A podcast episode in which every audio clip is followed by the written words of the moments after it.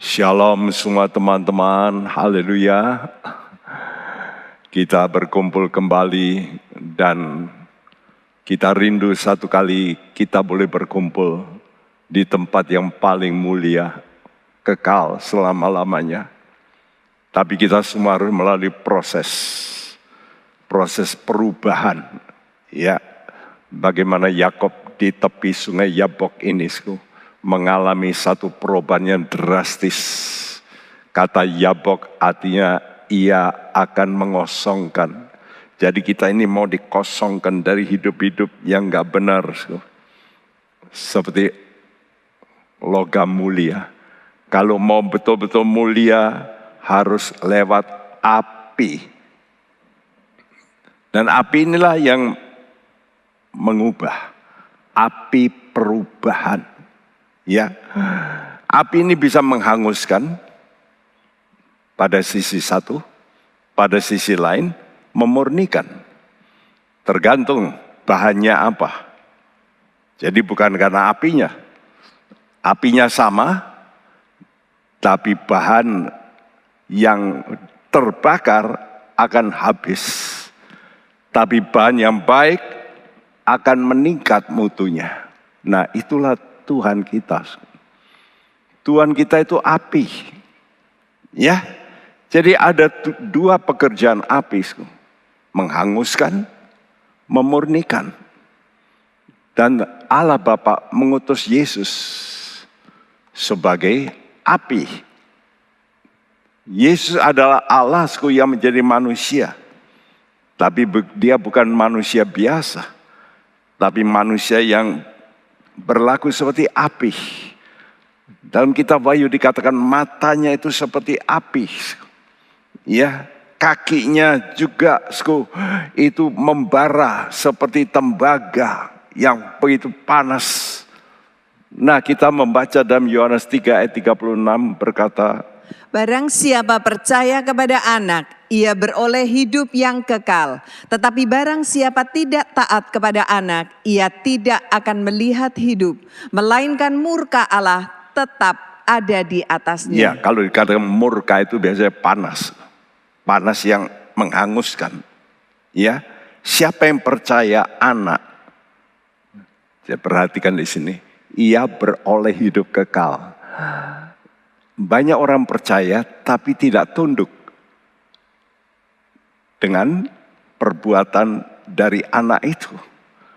Nah Yesus ini mau memurnikan kita. Karena itu dia izinkan masalah-masalah timbul untuk memurnikan kita. Jadi ada hal-hal yang kita kira tidak baik, tapi itu baik untuk memurnikan kita. Karena itu kenapa setan itu masih belum dieksekusi. Karena masih mau dipakai Tuhan untuk menguji kita. Ya. Dan kalau kita murni, kita beroleh hidup kekal. Tapi siapa yang tidak mau taat, maka murka Allah. Api yang menghanguskan. Ibrani 12 ayat 29 berkata, Sebab Allah kita adalah api yang menghanguskan. Ya Allah kita api yang menghanguskan. Nah, orang Israel pernah mengalami satu kondisi kegelapan rohani. Ya, begitu mereka merosot baik kerajaan utara, sepuluh suku, kerajaan selatan Yehuda, kerajaan utara itu disebut Israel, kerajaan yang bawah disebut Yehuda. Dua-dua kondisinya terus turun, turun, turun. Akhirnya dibuang ke Babel. Nah di sana mereka dihajar Tuhan 70 tahun. Supaya mereka bertobat. Dan memang mereka bertobat sejak itu mereka tidak lagi mengadakan penyembahan berhala. Dan mereka balik kembali ke tanah Israel. Mereka bangun mula-mula, waduh ibadah dengan nabi-nabi, ya Hagai, ya lalu Sakaria, Maleaki, mereka mulai antusias. Tapi setelah itu merosot kembali. Ya, itu menyedihkan. Jadi rupanya, kita tidak boleh merasa kalau kita sudah percaya, kita ini sudah aman. Kita mesti menjaga terus sampai mati. Nah kondisi yang digambarkan dalam perjanjian lama dari kitab perjanjian lama itu lalu berhenti pada kitab Maleakhi. Nah itu keadaan yang paling buruk karena melalui nabi ini paling keras berbicara. Tuhan tidak pernah berkata begitu empat pasal itu penuh dengan wah kekerasan, ucapan yang tajam. Nah ini seperti gereja pada akhir zaman. Jadi kalau dulu dalam PL merosot terus sampai pada kitab Malehi, maka Allah berdiam diri 400 tahun.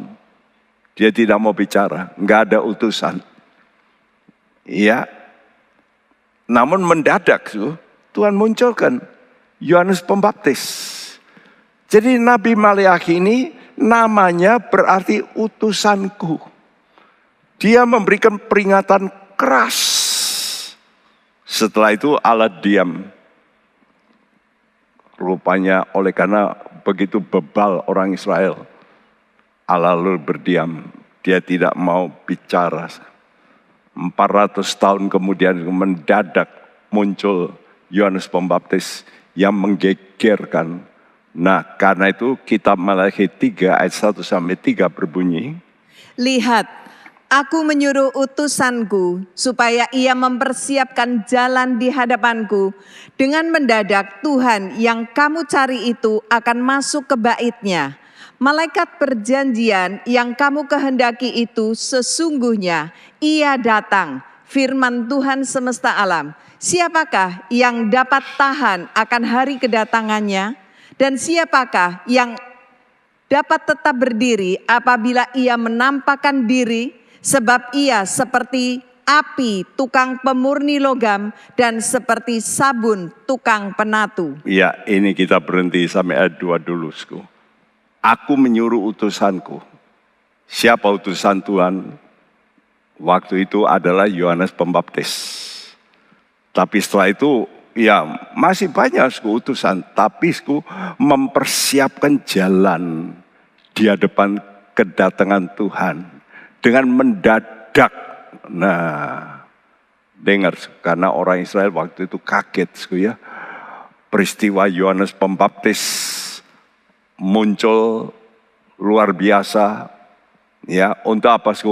Untuk meratakan jalan bagi Yesus. Dan Yesus disebut malaikat perjanjian. Malaikat. Jadi Yesus itu memang seperti waktu Yakob berada di sungai Yakob, Yabok, dia ketemu dengan malaikat. Itulah Yesus. Yesus disebut malaikat perjanjian. Dia datang. Ya. Bahkan di sini katakan, siapakah yang bisa tahan menghadapi hari kedatangannya? Kenapa, Sku? Karena ia seperti api Yesus itu seperti api, tukang pemurni. Jadi api pemurnian. Karena itu saya percaya, sekarang Tuhan memberikan pada kita firman Tuhan. Dan firman Tuhan ini api. Kalau sudah ingin murni, sudah mesti terus hubungan dengan firman Tuhan ini. Karena firman Tuhan ini api. Ya, dan seperti sabun, tukang penatu yang membersihkan. Ayat ketiga. Ia akan duduk seperti orang yang memurnikan dan mentahirkan perak. Dan ia mentahirkan orang Lewi, menyucikan mereka seperti emas dan seperti perak, supaya mereka menjadi orang-orang yang mempersembahkan korban yang benar kepada Tuhan. Ya, zamannya Maleakhi para imam dan Lewi wah ditegur keras oleh Tuhan. Karena mempersembahkan korban-korban yang bagi Tuhan muak. Dia berkata sampai muak, najis, marah Tuhan. Ya, inilah kemerosotan. Saya melihat kondisi seperti ini seperti sekarang. Gereja Laodikea. Begitu sego banyak pelayan-pelayan Tuhan juga berlaku seperti itu. Namun saya percaya Tuhan itu baik.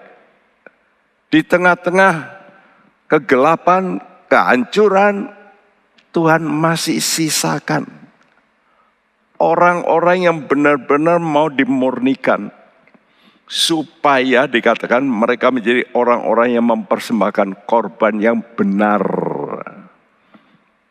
Nah, saya harap kita anak-anak Tuhan yang mendengarkan firman ini jangan kita ikut-ikutan dengan jumlah dia kan juga orang Kristen. Dia kan juga melayani Tuhan. Kami lihat bagaimana korbannya. Ya memang sama dari luar. Ya. Jadi kita melihat nubuat tadi katakan dengan mendadak. Kedatangannya yang pertama, Yohanes Pembaptis itu sebagai pembuka jalan. Untuk apa, Sku? memurnikan lebih dulu. Ya, membersihkan supaya bertobat, lalu mengizinkan Tuhan supaya firman api pemurni datang. Tapi sayang mereka tolak. Namun diterima oleh orang-orang yang kemudian menjadi rasul, menjadi murid-murid, dan sekarang saya katakan sebagian dari jemaat global di dunia ini. Ingat ya, tidak semua orang Kristen, tapi sebagian. Selalu saya melihat di Alkitab, Tuhan itu selalu punya umat yang dikatakan sisa, sisa, remnant. Yang betul-betul mau menjaga diri dalam kebenaran. Nah ini kedatangan Tuhan pertama, mereka sambut tapi buktinya lihat orang Israel, umat pilihan. Sebagian besar menjadi orang Farisi, orang Saduki, ya, kelompok bahkan Herodes dan saudaraku menyalibkan Yesus. Karena itu Tuhan menetapkan Tuhan mau datang kedua kali dia utus lagi pendahulu Elia yang sekarang masih di sorga.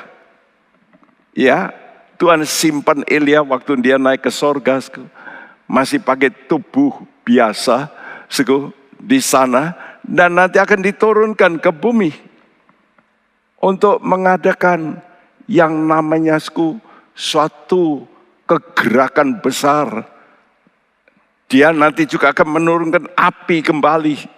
Untuk apa? Memurnikan Israel. Sebenarnya begitu.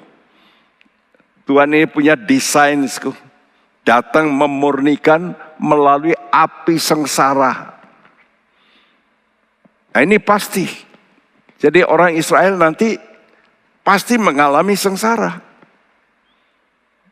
Cuma sekarang banyak namanya jemaat gereja juga tidak mau bersih dan nanti mengalami hal yang sama seperti Israel. Jadi Anda, saya, kalau tidak mau dimurnikan sekarang, nanti akan mengalami sesi pemurnian yang akan datang. Perhatikan Yesus, Allah yang menjadi manusia. Dan Tuhan berkata, firman, pada mulanya ada firman, firman itu bersama dengan Allah, dan firman itu Allah. Jadi Yesus dan ucapannya itu sama, identik. Dan itu api, dua-dua itu api. Yesus itu api, firman Tuhan itu juga api. Ya, seperti Maleakhi 3 ayat 2c mengatakan sebab ia seperti api Nah api ini akan memurnikan sehingga naik karat dari emas itu makin murni atau menghanguskan. Ya, ini saudara yang mendengarkan firman Tuhan, kalau tidak mau bertobat, biasanya Tuhan izinkan, sku, akan menemui macam-macam hal. Ya, Yeremia 23 ayat 29 berkata dengan jelas, Bukankah firmanku seperti api, demikianlah firman Tuhan dan seperti palu yang menghancurkan bukit batu? Ya, firman Tuhan itu seperti api. Dan untuk hati-hati yang keras, firman Tuhan seperti palu. Karena itu waktu saya masih muda mendengar firman Tuhan, saya banyak menangis. Sepertinya di palu. Perkataan Tuhan, dah, dah, masuk. Wih, ya, sekuh. Saya tahu hati kita ini kadang-kadang keras. Perlu dipalu, dihancurkan. Dan seperti emas yang banyak campuran, perlu dimurnikan dengan api. Nah kita pilih, kita mau dimurnikan dengan firman Tuhan sekarang, atau nanti firman Tuhan dengan sengsara. Jadi kalau sekarang belum masa sengsara ini. Tapi memang ada problem-problem. Tapi belum sengsara yang besar. Tapi nanti ya. Nah masalahnya Anda itu mau dimurnikan sekarang. Secara pribadi-pribadi karena itu di gereja tidak bisa dikatakan semua anggota gereja itu kudus. Memang orang kudus ya disebut orang kudus karena percaya spiritnya. Tapi jiwanya sering kali belum belum murni. Pikirannya masih kotor, perasaannya masih mudah tersinggung dan sebagainya. Nah ini masalahnya di situ. Ya, mereka yang beriman sejati, yang betul-betul, imannya betul pure, genuine, itu mencari kemuliaan Allah. Sekarang banyak orang mencari bukan kemuliaan Allah, tapi bagaimana berkat Tuhan. Memang kalau kita cari yang benar, berkat pasti menyertai. Tapi orientasi fokus kita jangan kepada berkat. Suatu Tuhan ingin supaya kita menjadi orang seberang. Mesti nyebrang. Karena itu Abraham disebut orang Ibrani. Ini saya sudah terangkan ya Nama Ibrani itu diberikan pada Bapak Abraham. Sebab ia diambil dari seberang sungai. Bahasa yang dikatakan flood. Itu artinya arus. Jadi kita ini mesti dipisahkan dari arus dunia. Semua kita melihat seperti orang Israel mau masuk tanah Kanaan harus lewat namanya sungai Yordan dan dikatakan arusnya itu wih, waktu melintasi ya musim itu dikatakan itu meluap. Jadi memang kita lihat sekarang arus dunia ini mau menghanyutkan banyak orang. Dengan apa? Cara arus masa. Yo ikut ikut ikut ini biasanya aku. Ya mau berubah secara moral, mereka demo. Dulu saya masih waktu datang ke Australia dulu aku, pertama kali tahun 60 uh, empat ya suku. Itu ada acara yang disebut Mardi Gras. Wah itu masih ya bagus gitu. So mobil eh, mobil-mobil di dikasih bunga-bunga bagus, ada wanitanya dan sebagainya. Tapi waktu itu masih ya masih baik lah. Tapi belakangan waktu anak saya kuliah di Sydney, dia memberikan potongan koran tentang itu. Lalu di situ mulai, waduh, seronok sekali. Ya. Jadi mereka menunjukkan sudah berbeda. Kelainan jenis. Ya. Nah jadi kita melihat Yosua 24 mengatakan Abram ini diambil Allah dari seberang arus. Arus sungai.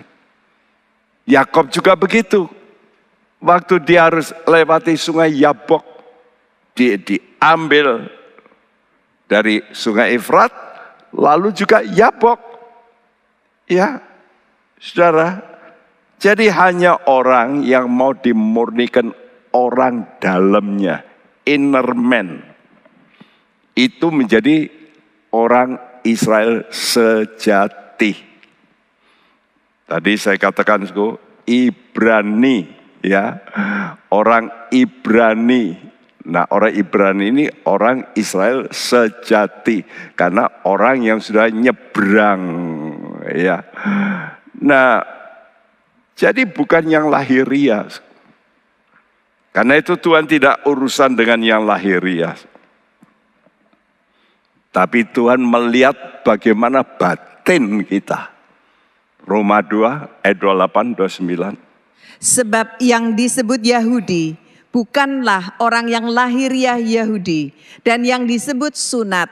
Bukanlah sunat yang dilangsungkan secara lahiriah, tetapi orang Yahudi sejati ialah dia yang tidak nampak keyahudiannya. Dan sunat ialah sunat di dalam hati secara rohani, bukan secara hurufiah.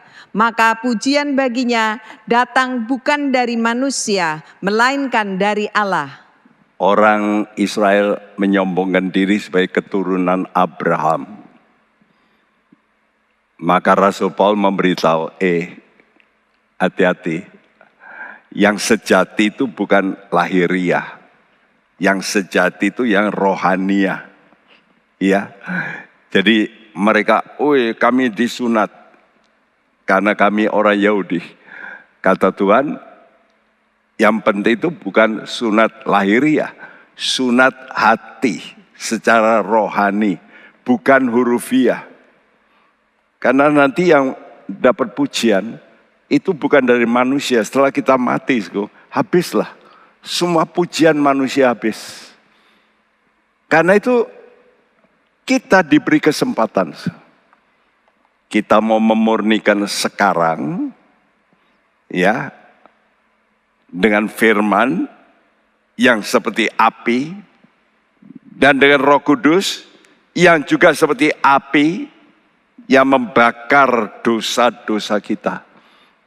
Karena itu kalau kita penuh Roh Kudus, wih, rasanya ada sesuatu dalam batin kita ini membara ya Nah, waktu Yesus disalibkan, setelah Yesus disalibkan, maka terbitnya namanya perjanjian baru.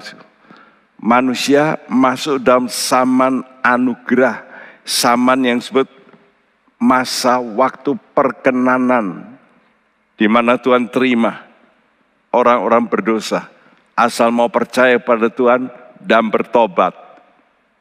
Ya, kenapa? Suku? Karena nanti Tuhan akan melakukan tindakan keras, yaitu akan datang waktu pembalasan. Jadi ada waktu rahmat, tapi ada waktu pembalasan. Waktu kedatangan Tuhan kedua, itu gambar merah itu. Ya, tapi sebelum itu Tuhan masih kasih kesempatan. Ada lingkaran kecil, MS masa sengsara. Nah, melalui kitab Daniel kita tahu masa sengsara ini tujuh tahun nanti. Ya, kita sekarang ini berada pada ujung mendekati lengkungan terakhir dari lengkungan hijau itu. Jadi masih ada waktu sisa ini. Untuk kita sekarang. Gunakan waktu sisa ini. Untuk memurnikan. Sekarang ayo bertobat. Ayo kita pikiran kita jangan seperti dulu lagi.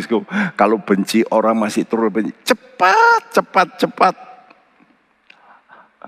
Hilangkan semua. Coba belajar, korban, salib. Memang untuk mencintai orang yang menyakiti kita itu tidak gampang. Ya, hari Minggu sudah dikhotbahkan oleh pendeta Sundoros. Hosea harus mau menerima yaitu seorang pelacur.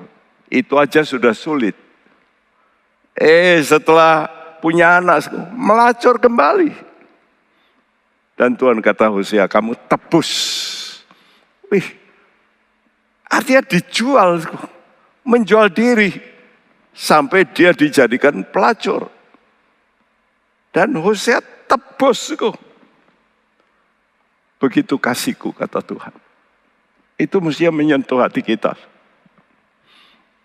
Kalau kita rasa pakai perasaan terus mengikut Yesus, perasaan kita, pikiran kita, kemauan kita nggak bisa. Kita mesti tunduk pada Tuhan. Kenapa, Sku? Karena nanti Tuhan akan datang di udara mendadak, dengan mendadak. Dia akan datang. Ya, untuk meluputkan kita dari masa sengsara ini.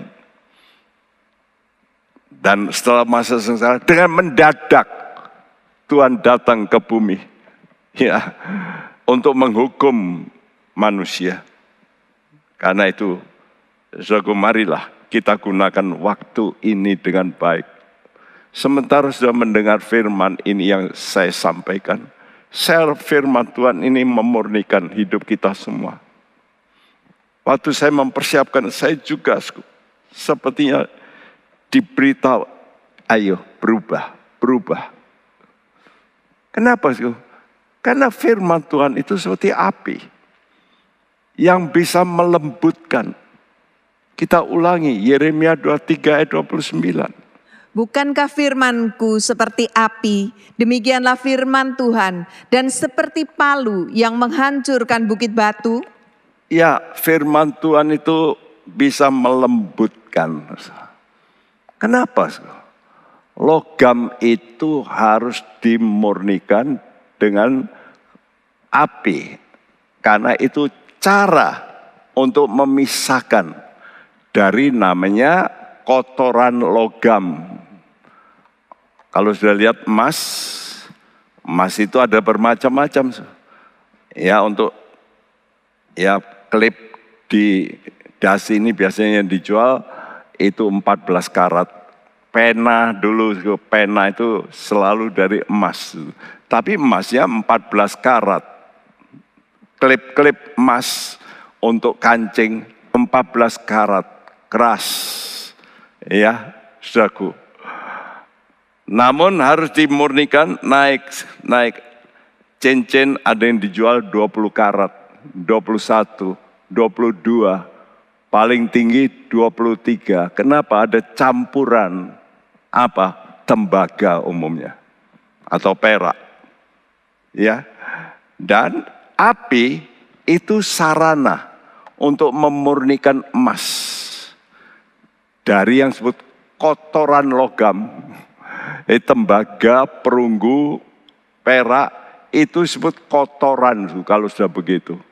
Ada kadang-kadang timah, ya. Waktu kecil om saya suka nyetak uh, timah bentuk uang dan saya melihat gimana caranya. Ya, begitu kena panas lalu keluar kotoran timah itu dibersihkan begini, wih, putihnya bukan main. Ya, lalu didinginkan, eh busam masih. Jadi waktu panas itu, wih, betul-betul kemilau. Tapi begitu dingin, busam lagi. Panasi lagi. Ya, begitu terus. Ya, saudaraku, Jadi kita melihat, kenapa bisa dipisahkan? Karena titik lebur dari logam-logam ini berbeda. Titik didih khususnya. Ya, begitu mendidih, yang mendidih itu biasanya yang jelek dulu.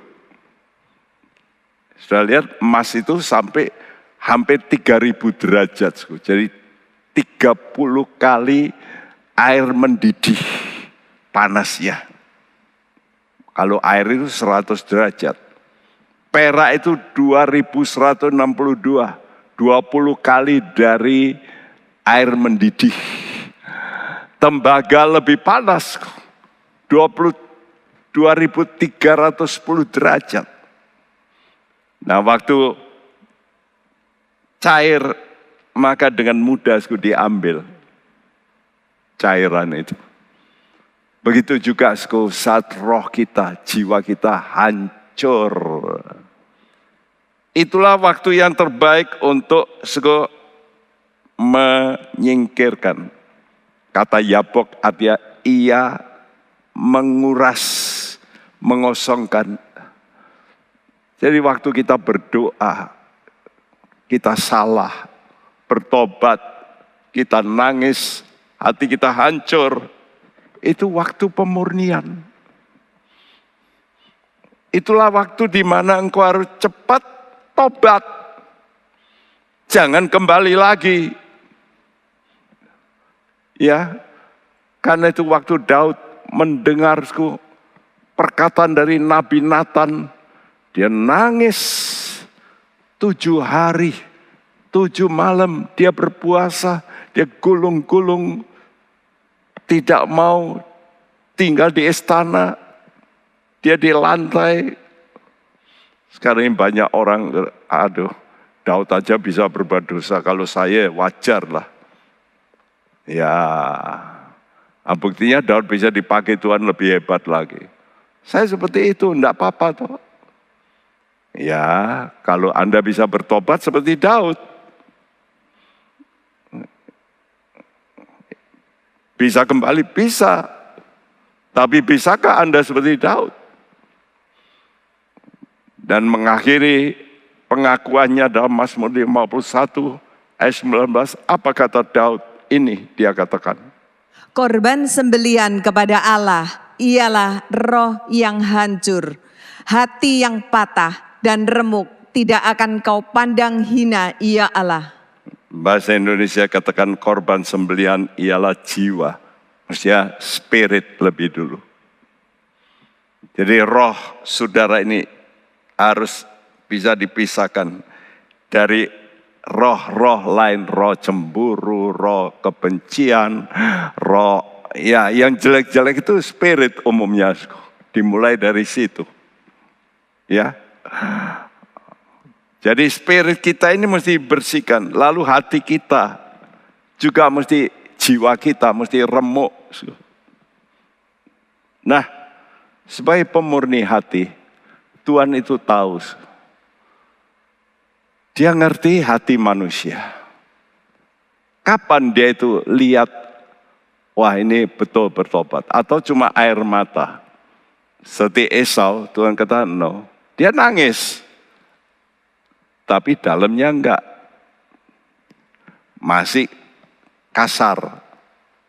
Ya, tapi lain dengan seorang di tengah-tengah kerajaan Yehuda yang makin merosot, makin jelek dan Tuhan sudah marah besar karena ada raja yang sangat mendukakan Tuhan Manase itu luar biasa jahatnya. Ya, kita melihat ini Yosia muncul setelah itu. Ya, setelah Manase, lalu dia punya anak, lalu cucunya ini muncul Yosias. Hebat. Kenapa hebat? Ini, dua Raja-Raja 22, 19 dan 20.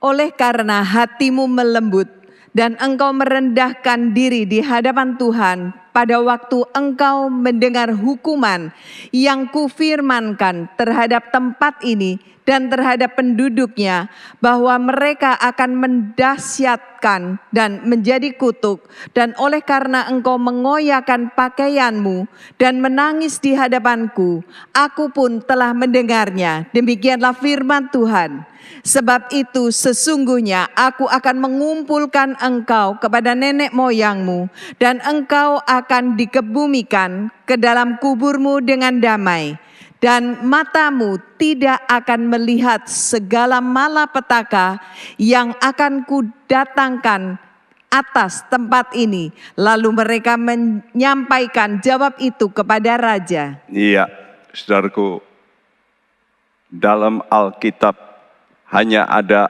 beberapa raja yang betul-betul baik. Daud, Yosafat, Hizkiah, ya, lalu Yosia. Ini betul-betul baik ini. Ya. Hati mereka ini dikatakan dalam ayat 19, oleh karena hatimu melembut. Bahasa Indonesia, sebab engkau sudah menyesal. Mestinya melembut. Dan kau merendahkan diri. Dengar, setelah lembut, baru bisa rendah. Saya renungkan, lembut dulu. Karena itu Tuhan kata, cukup belajarlah kepadaku, karena aku lemah lembut dan rendah hati. Jadi mesti lembut dulu baru bisa merendah. Jadi orang nggak bisa merendah kalau merendahkan belum melembut itu cuma Iya karena mau minta tolong, belum bertobat. Kapan engkau melembut? Waktu engkau mendengar.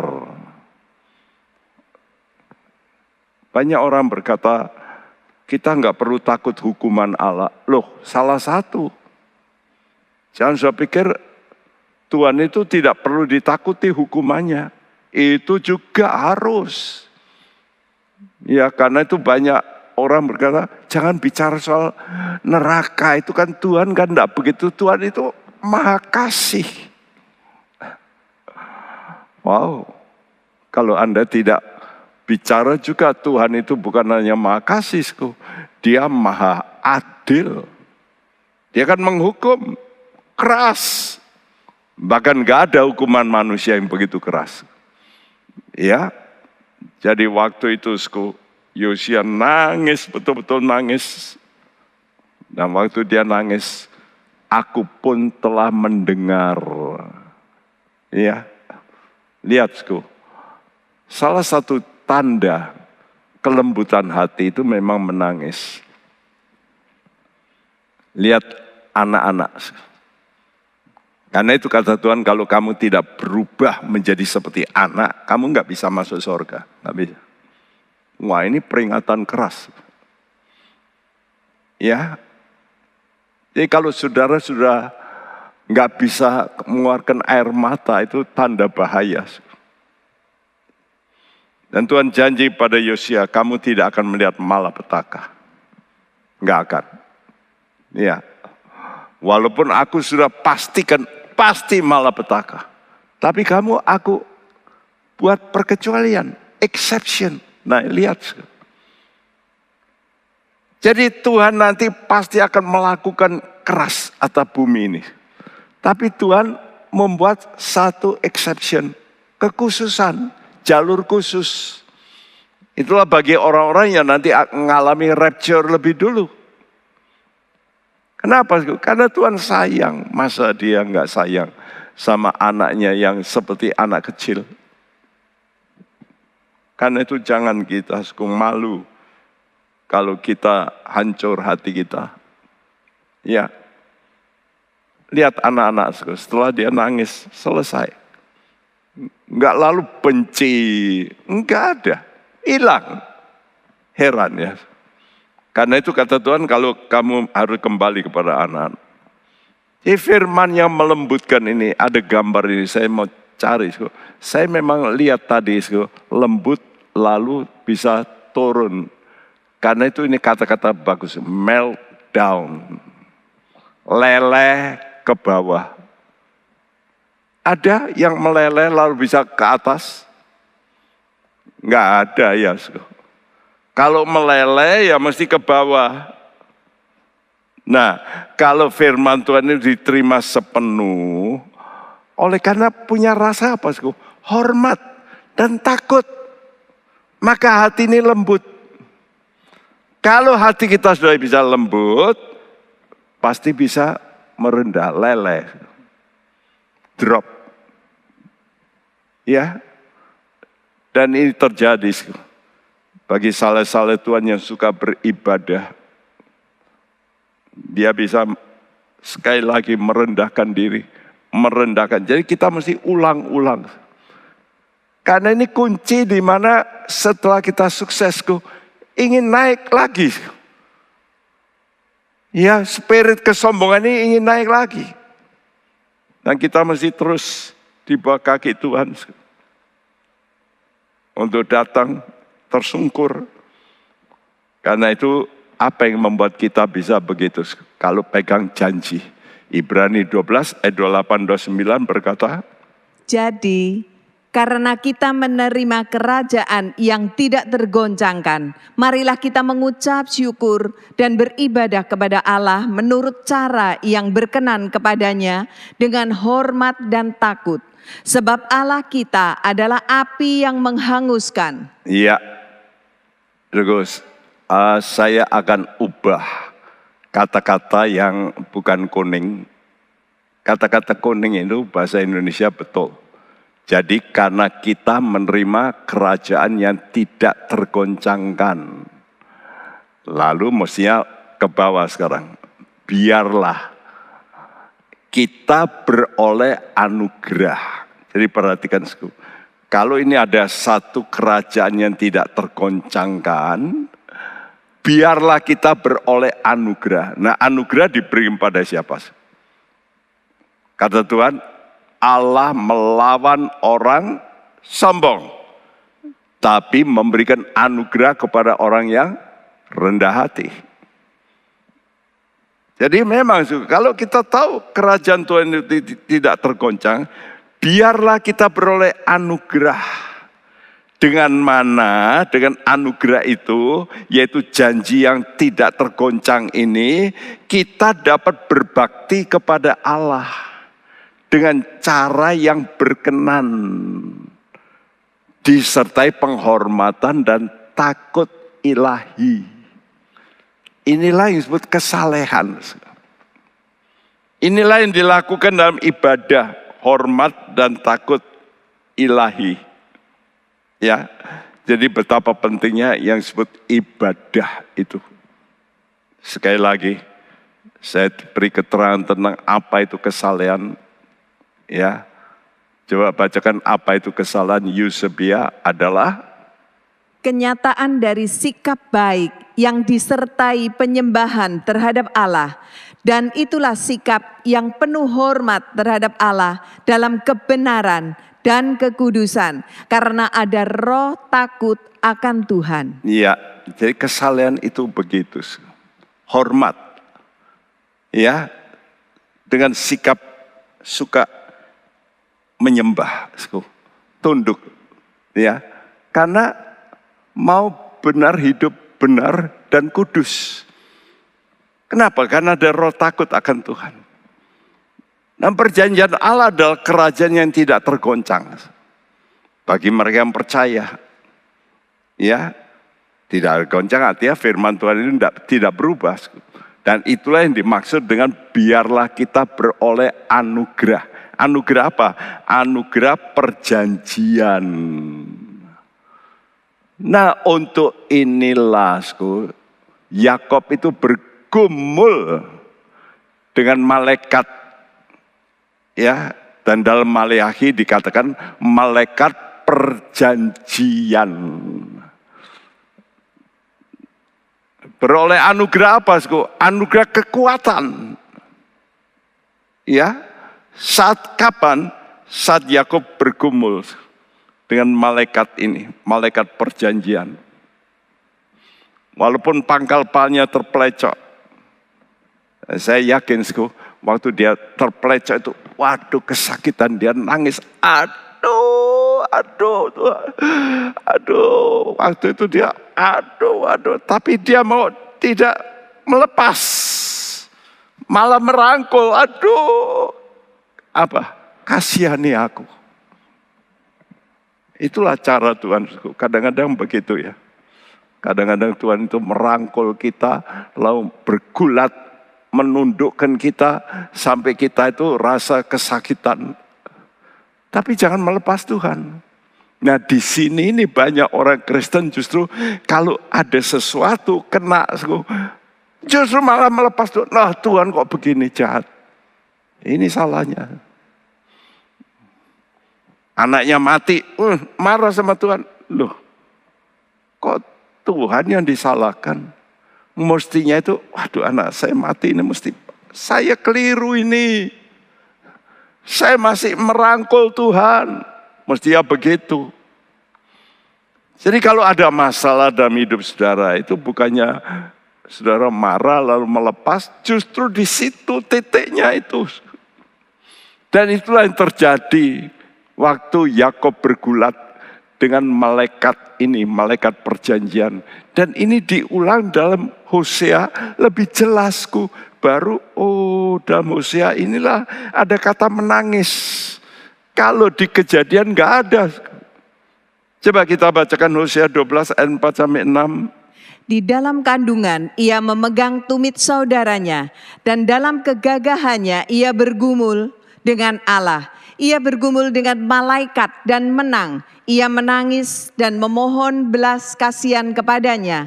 Di Betel ia bertemu dengan dia dan di sanalah dia berfirman kepadanya, yakni Tuhan Allah semesta alam, Tuhan namanya. Iya, dalam kandungan ia memegang tumit saudaranya bahasa Indonesia menipu saudaranya. Ini terjemahan yang ya saya katakan over.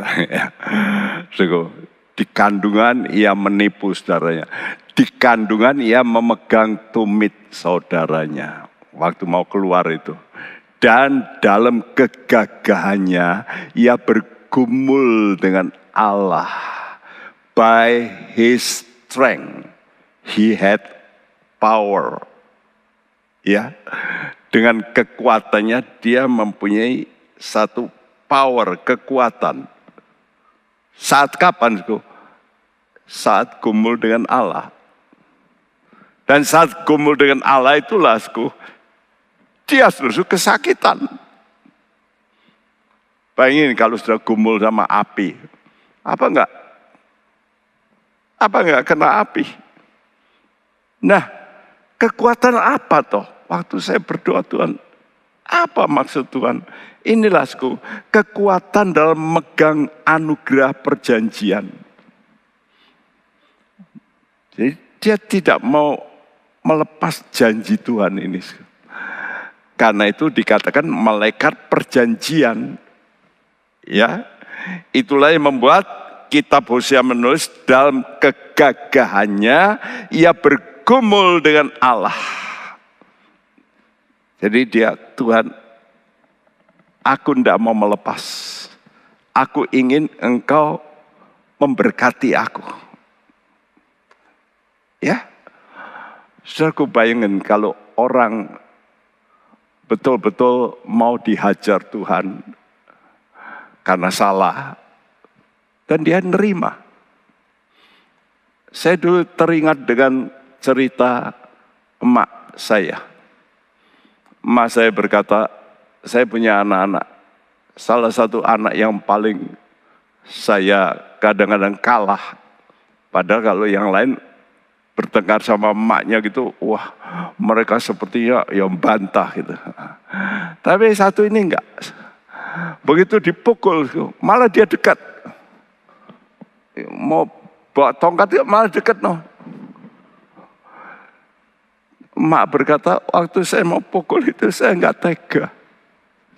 Tapi tetap saya pukul. Tapi saya nggak tega untuk wah keras. Ya, coba kalau saudara mau dipukul malah lari gitu. Wih, orang tuanya kan bisa emosi. Kalau dekat bisa disambetnya lebih keras, betul nggak? Seperti itu. Ya, encek saya itu lalu dia dekat gitu. Mas saya berkata, mas saya berkata, waduh aku nggak bisa mukul keras. Nah begitu dengan Tuhan. Justru ini dilakukan Yakob dengan kelemahannya. Ya, karena pangkal pahanya kan terpelecok. Pangkal pah ini kekuatan yang paling kuat. Karena itu, dalam kelemahannya dia mohon belas kasihan pada Tuhan. Menangis. Dan saat itulah kata Tuhan, engkau menang.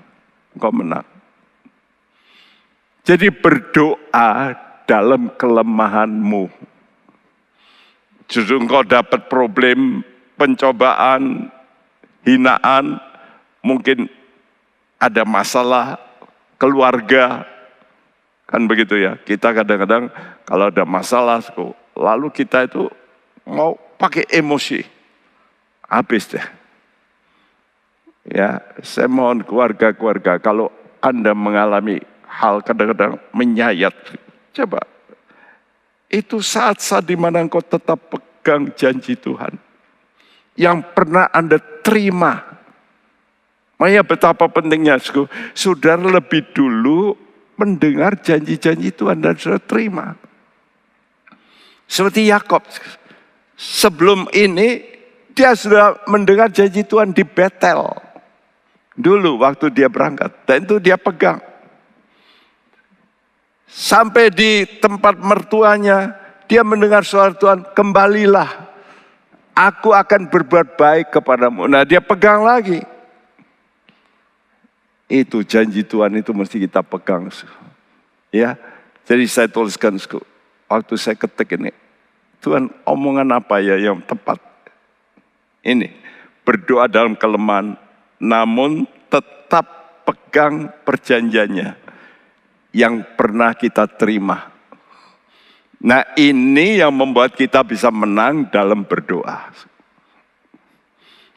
Dalam kelemahanmu, engkau tetap pegang janji Tuhan, engkau kalau perlu berseru mencari Tuhan, Tuhan genapilah, genapilah janjimu pasti genap, pasti terjadi.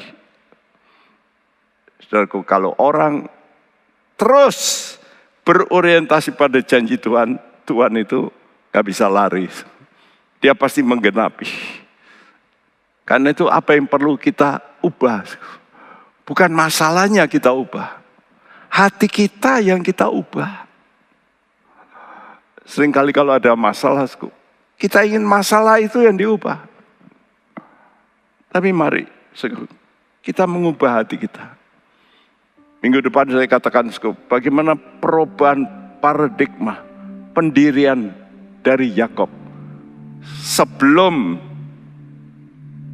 dia mengalami pergumulan dan sesudah jauh berbeda, bertolak belakang, berubah total.